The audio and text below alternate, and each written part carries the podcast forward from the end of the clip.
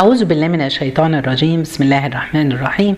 والصلاة والسلام على سيد المرسلين سيدنا محمد وعلى آله وصحبه وسلم أجمعين. سلام عليكم جميعا.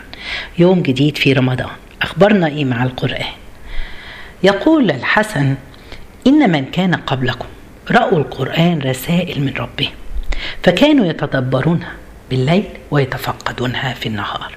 بص كلمة يتفقدونها دي بيبحثوا عليها حاجة مش بيعملوا عاوزين ينفذوا اللي فيه. يا رب اكرمنا بالقرآن وعلمنا منه ما أنسينا. يلا نصلي على الرسول عليه الصلاة والسلام. اللهم صل وسلم وبارك على سيدنا محمد صلى الله عليه وسلم. في يوم جدتي قالت لي النهاردة هحكي لك قصة. جت في القرآن عن شخص حكيم وسمى الله سورة كاملة باسمه. قلت لها أكيد ده ربنا بيحبه قوي إن السوره بتتسمى باسم. وكمان ربنا بيقول لنا إنه حكيم. قالت لي أيوه هو لقمان الحكيم. أول آية في سورة لقمان ربنا بيقول لنا ان هو أعطى له الحكمة. القرآن بيشهد له إنه رجل حكيم. الحكمة دي يا جماعة مش ده شيء جميل. ربنا بيقول يؤتي الحكمة من يشاء ومن يؤتى الحكمة فقد أوتي خيرا كثيرا. لقمان عنده الخير الكتير ده. الحكمة يا جماعة إن الواحد يحط الشيء في موضوعه الصح. إن مثلا الإنسان بيفعل اللي المفروض يتعمل بالطريقة الصح في الوقت الصح. هو ده معناه. يعني يعمل الصح في الوقت الصح ويقول الصح في الوقت المناسب. جاءت كلمة الحكمة دي في القرآن عشرين مرة. بنبص نلاقي سورة لقمان بتبدأ فيها إن ربنا بيتكلم على الكتاب الحكيم على القرآن. وبيتكلم برضو على لقمان إن ولقد آتينا لقمان الحكمة. فسبحان الله أكيد ربنا سبحانه وتعالى كتاب حكيم ولقمان حكيم كأن لقمان اقتبس من نور الحكمة اللي في القرآن الحكمة. إحنا بنقرأ القرآن يا ترى هل بناخد من القرآن حكم؟ إزاي نتعامل مع الناس؟ آه بحكمة؟ نبقى أذكياء تعالوا ندعو ربنا كده إنه يرزقنا الحكمة. وكل شيء في الصح في القول الصح والعمل الصح. بيقول الإمام مالك إن الحكمة نور يقذفه الله في قلب العبد. يا رب اللهم اقذف بنورك في قلوبنا حتى عشان نعمل الصح وإحنا خصوصا في الشهر الكريم وكمان في الأيام المباركة الأخيرة ربنا يكرمنا ويرزقنا الحكمة. والعقل إن إحنا نفكر إحنا خلاص رمضان هيمشي وهيمشي ناقص كام يوم وهيعدي. يا ترى إحنا عندنا الحكمة دي إن إحنا نفكر إزاي نستغل هذه الأيام؟ إزاي إن أنا ما أخليش الأيام دي تعدي؟ إلا وإن أنا بجتهد فيها وبعبد ربنا زي ما ربنا عاوز. مين هو لقمان؟ هو كان عبد حبشي فقير بسيط بيشتغل نجار. لكن حكمته هي اللي حررته من العبودية. يقال إن سيده طلب منه أن يذبح له عجل ويجيب له أطيب حاجة في العجل عشان ياكلها. فراح لقمان وجاب له القلب واللسان. الراجل استغرب قال هو ده أحسن أنا عاوز آكل. فقال له طب روح جيب لي أسوأ حاجة في العجل. فراح وجاب له برضه القلب واللسان فسأله ما هذا؟ فقال يا سيدي هما أطيب ما في الكون إذا طاب وأخبث ما في الكون إذا خبث. عجبه سيده هذا القول وأعتقه وجعله حر. يعني إيه يا جماعة؟ يعني معناها إن قلب الإنسان ده لو أبيض قلبه سليم قلبه سبحان الله عنده اللوم بيلوم نفسه لما بيعمل لما بيخطئ. القلب ده هو أساس كل شيء. والحاجة التانية اللسان.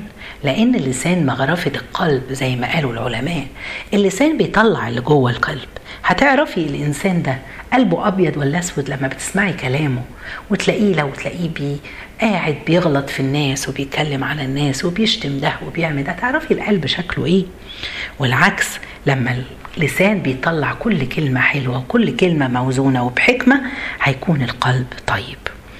يبقى بعد كده بيقول لك إن خرج لقمان من مصر وراح فلسطين. كان هناك فين سيدنا داود لكن طبعا الله أعلم بالتفاصيل دي. دي كلها جت في بعض التفاسير. والله أعلم مدى صحتها. إحنا بنقف عند اللي ربنا سبحانه وتعالى قاله لنا في القرآن. يقال إن هو سيدنا داوود هو راح واشتغل عنده أجير. آآ آآ سبحان الله آآ لما مرة شاف لقمان سيدنا داوود وهو بيصنع الدروع هو نفسه يسأله إيه ده؟ بس مسك لسانه من السؤال وصبر شوية. بعد ما خلص سيدنا داوود الدرع قال نعم الدرع للحرب. ففهم الصمت إن من الحكمة ففهم وقال الصمت من الحكمة وقليل فاعله. قليل مننا إحنا ما بنشوف حاجة بنبقى عاوزين نعرف إيه دي وعندنا الفضول اللي تعبنا ده. فبسط سيدنا داود منه كان محتاج ناس حكماء عشان يربوا الأجيال الجديدة عشان يربوا سليمان والجيل اللي معاه. فيطلب داود من لقمان أن يصبح مربي لبني إسرائيل. رقاه بدل ما كان عبد عنده أو واحد أجير أسفة مش عبد كان أجير أخده وخلاه مربي لبني إسرائيل. آه لقمان كان عنده حكمة وبيربي جيل جديد. مهم قوي إن كل واحد فينا وإحنا بنربي أولادنا أو لو كنا مدرسين يبقى عندنا حكمة إزاي نربي هذه الأجيال. اختاروا بعد كده داوود لمهمة أعلى قاضي لبني إسرائيل. ثم بعدها مهمة أعلى قاضي قضاة بني إسرائيل. سبحان الله العبد أصبح قاضي قضاة وداوود من راعي غنم إلى ملك. كل واحد فينا محتاج يتعلم منهم العمل والطموح. إحنا محتاجين نبقى عندنا طموح. تعالوا نشوف القرآن لما ذكر لقمان بماذا ذكره. وهو بيربي ابنه. ما اتكلمش على حكمته أكتر من كده هو اتكلم على حكمته في تربية ابنه. ودي حاجة جميلة محتاجين كلنا نتعلمها. أصل لقمان مع كل حكمته دي وانشغاله ما نسيش ابنه. هو بقى قاضي قضاة يعني واحد مشغول واهتمامه وموكل بأنه هو يعلم بني إسرائيل لكن كانت أولويته ابنه. ربنا ذكر لنا حكمة بس حكم حك إنه حكمته بس مع ابنه. وسر تشريفه في القرآن إنه أخذ باله من ابنه. دي رسالة لكل واحد وواحدة فينا. أوعى تنشغلي عن ولادك. أوعى تشتغل تنشغل عن ولادك. اللي عنده حكمة هيهتم بولاده. ويعلمهم الصح. مش هينشغل بشغله ولا بالدنيا عن ولاده. كلمة هقولها لكل أب. أنت دورك مهم جدا وجوهري في حياة ولادك. التوكيل اللي الأبهات الزمان ده ادوه للزوجات للأمهات عشان هم يربوا ولادهم وهو يطلع يقول لك أنا بشتغل وبجيب فلوس وأنت مسؤوليتك إن أنت تربي. وكتير من الأمهات قبلوا الدور دوت مع إن هي التربية عاوزة الاتنين. لقمان ركز على ابنه. أصل الابن الشخص الوحيد في الدنيا دي اللي أي واحد فينا يحب يكون أحسن منه. عمرك في الدنيا دي ما هتتمني حد يكون أحسن منك إلا اولادك إيه فايدة الشغل بره واللي جوه يضيعوا مننا؟ سيدنا إبراهيم في القرآن فلما بلغ معه معه السعي معه السعي. سبحان الله. يعني إيه بلغ معه السعي؟ يعني كبروا مع بعض صاحبوا بعض. لقمان هيبدأ بيعظ ابنه في القرآن. جت صفحة كاملة.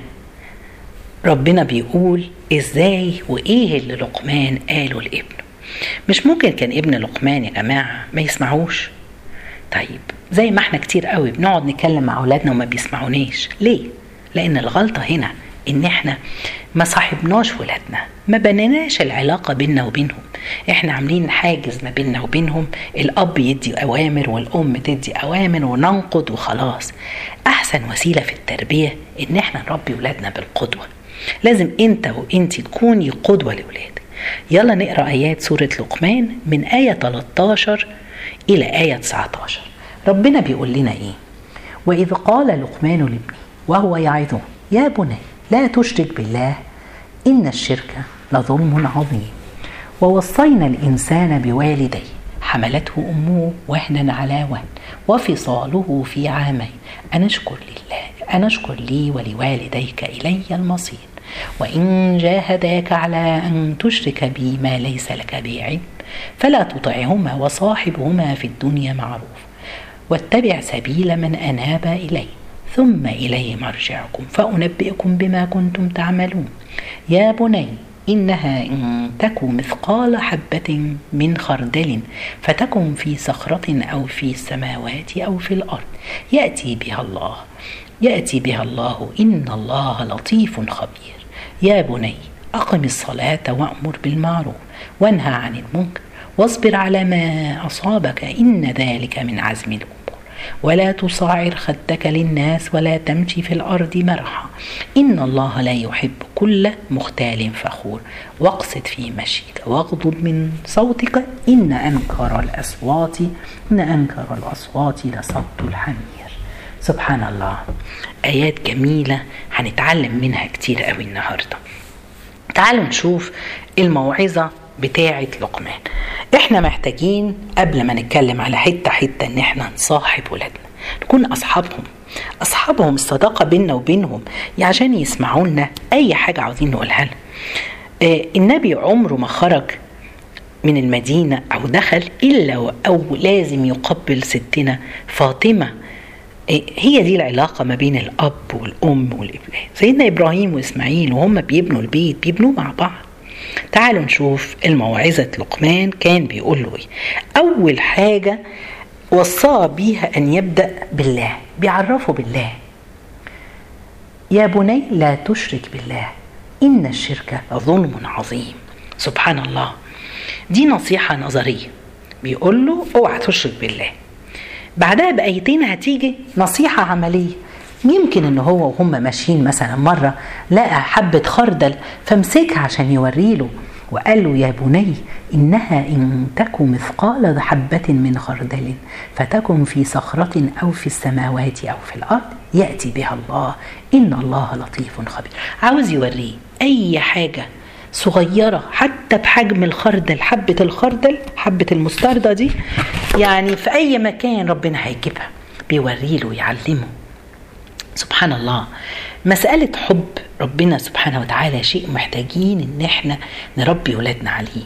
نحطه فيهم من وهم سن صغير يمكن من خمس سنين لازم نبدأ نغرزها فيهم. لاش؟ ألا يشركوا بالله إن ربنا معاهم في كل شيء. بعد كده موعظة اللي بعد كده هتيجي ما يدخل لبر الوالدين ويرجع تاني زي ما قلت لكم إن هو يديله بقدوة. يا جماعة لو لو لو أولادنا طلعوا ما بيشوفوناش بنصلي. صعب إنهم يصلوا. مش قريب لو لقاك مش قريب من الله إزاي عاوزينه يحب ربنا ويبقى لما لا ابنك يقوم بالليل كده ويجدك داخل الحمام ابنك ويلاقيك واقف بتقومي بتصلي الليل. هو ده التعليم العملي. تاني وصية وصاها لقمان لابنه ووصينا الإنسان بوالديه حملته أمه وهنا على وهن وفصاله في عامين. أن اشكر لي ولوالديك إلي المصير.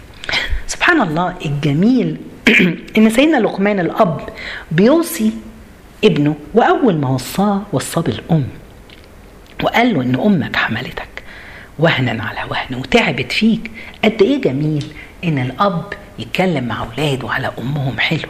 مش عاوزين الناس اللي بتبقى فيه خلاف بين الرجل والمرأة ويتكلموا بعض قدام ولادهم وحش أو يتكلموا ورا ورا بعض ورا ظهرهم مع أولادهم على الطرف الثاني ابدا أنت لازم تكون قدوة لأولادك.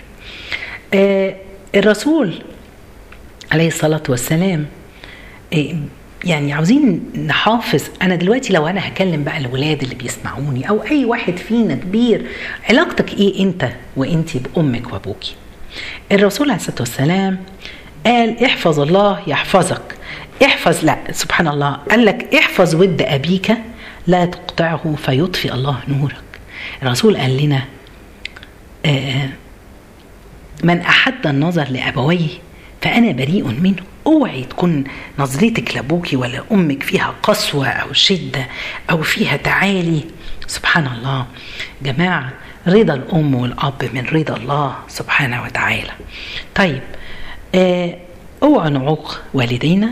أوعى نكون وإحنا في رمضان ولسه حد فينا مخاصم أم ولا ابوه أو مش بيزورهم أو ما بيشوفهمش محتاجين إيه. خلوا بالكم صاحبهما في الدنيا معروف. الراجل اللي سأل الرسول صاحب مين؟ قال أمك.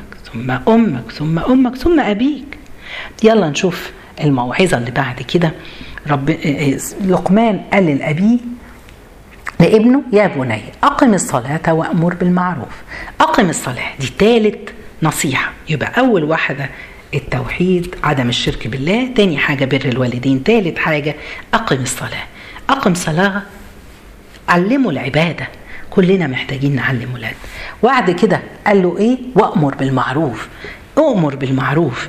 عندك كن إيجابي في الحياة دي لما تشوف حاجة خليك وتصرف وخد وادعي الناس اللي حواليك. بعد كده وانه وانهى عن المنكر. واصبر على ما أصابك. أصل أنت لما هتدعي الناس ممكن إيه؟ الناس هتأذيك. بعد كده قال له ولا تصعر خدك للناس.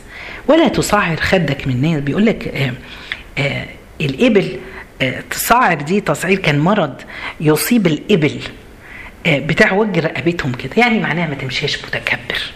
خليك متواضع. ولا تمشي في الأرض مرحا. اوعى تكون فخران وفخور بنفسك وزيادة. سبحان الله. آه امشي بالراحة. بعد كده بيقول له إن الله لا يحب كل مختال فخور. واقصد في مشيك بالراحة. واغضض من صوتك إن أنكر الأصوات لصوت الحمير. صوتك يبقى هادي. دي آداب الذوق والأخلاق كلها. كل وصية بتبدأ بيا بني. فيها حنية فيها حب فيها لطف عاوزين ربنا عاوزين ولادنا يسمعوا مننا. لازم نكون في علاقة مبنية ما بيننا وبينهم. يا بني يا بني دي طريقة لقمان ودي وصايا لقمان. يا رب افتح علينا واحفظ بيوتنا واهدي أولادنا. والله وتقبل منا يا رب. جزاكم الله خير. سبحانك اللهم بحمدك. أشهد أن لا إله إلا أنت. أستغفرك وأتوب إليك.